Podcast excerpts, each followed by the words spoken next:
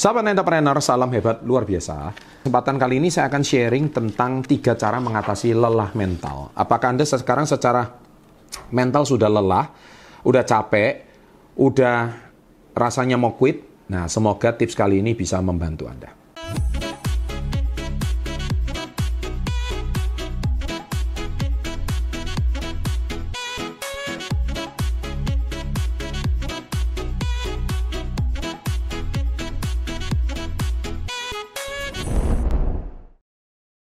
Nah, sahabat entrepreneur, tentu bicara soal lelah mental itu pasti ada beberapa tips untuk Anda, khususnya Anda yang saat ini kondisinya masih labil.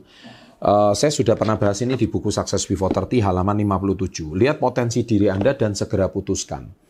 Tapi saya juga mau komen di sini apa yang terjadi. Sebetulnya yang pertama adalah penyebabnya sulit menolak permintaan orang lain. Jadi Anda itu tipe orang baik gitu. Teman minta bantuan, iya. Pinjam uang, iya disuruh nganter iya, diperalat iya. Jadi akhirnya jadi kayak orang bucin.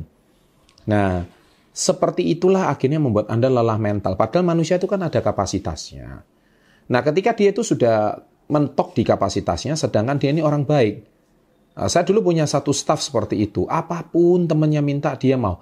Jadi ketua ini ya, iya. Jadi ini ya, iya. Semuanya diterima.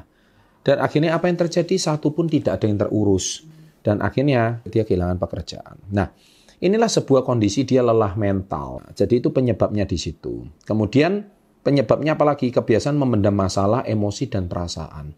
Tidak ada tempat untuk curhat, tidak ada tempat untuk melampiaskan. Dan akhirnya mentalnya itu sangat lelah. Yang ketiga, kebiasaan berpura-pura bahagia.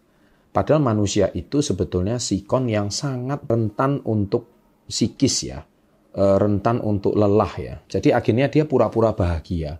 Dan yang keempat, takut meminta bantuan orang lain. Dan akhirnya uh, alhasil sampai dengan kondisi terakhirnya dia capek secara mental. Nah, empat sikon ini yang menyebabkan Anda itu melelah secara mental. Nah, semoga sharing saya ini bisa memberikan solusi kepada kalian. Cara mengatasi yang pertama adalah jangan ragu untuk minta bantuan orang lain. Ask people for help. Entah Anda itu minta bantuan kepada siapa pun. Kalau perlu Anda ke kantor polisi lah. Ya, minta bantuan Pak Polisi. Jangan takut. Pak Polisi pasti bisa bantu. Kalau misalkan di rumah nggak ada yang bisa bantu Anda lagi. Ya, Pak Polisi pasti akan bantu Anda mengarahkan mungkin ke eh, tempat-tempat yang paling dekat ya. Kalau di Indonesia, kalau di luar negeri sih uh, banyak ya. Ada lembaga-lembaga yang bisa memberikan bantuan. Uh, kalau di Indonesia sih mungkin masih proses menuju ke sana. Nah, yang kedua adalah jangan ragu menolak permintaan orang. Nah, Anda harus belajar dari kesalahan. Kesalahan manusia yang paling besar adalah sulit menolak kebaikan orang, sulit menolak permintaan orang. Enggak semua bisa Anda terima. Pak, nanti kalau saya dicap sombong gimana? Nanti saya kalau dicap nggak setia kawan gimana? Nggak bisa. Kita itu menjadi manusia itu harus bisa membedakan mana yang baik dan mana yang benar.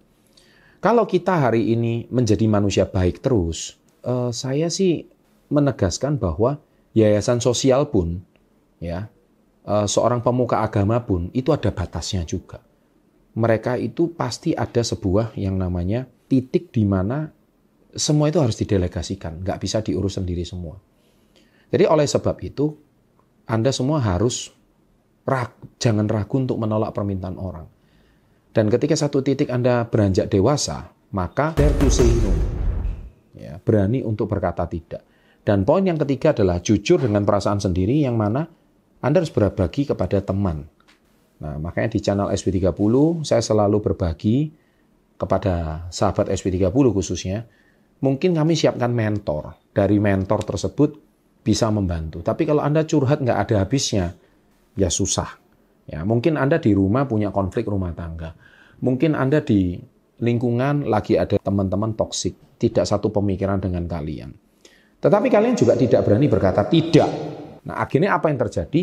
Ya inilah, Anda akan mengalami kelelahan mental. Makanya di halaman 57, eh, berani mengambil potensi diri. Saya selalu tegaskan di sini.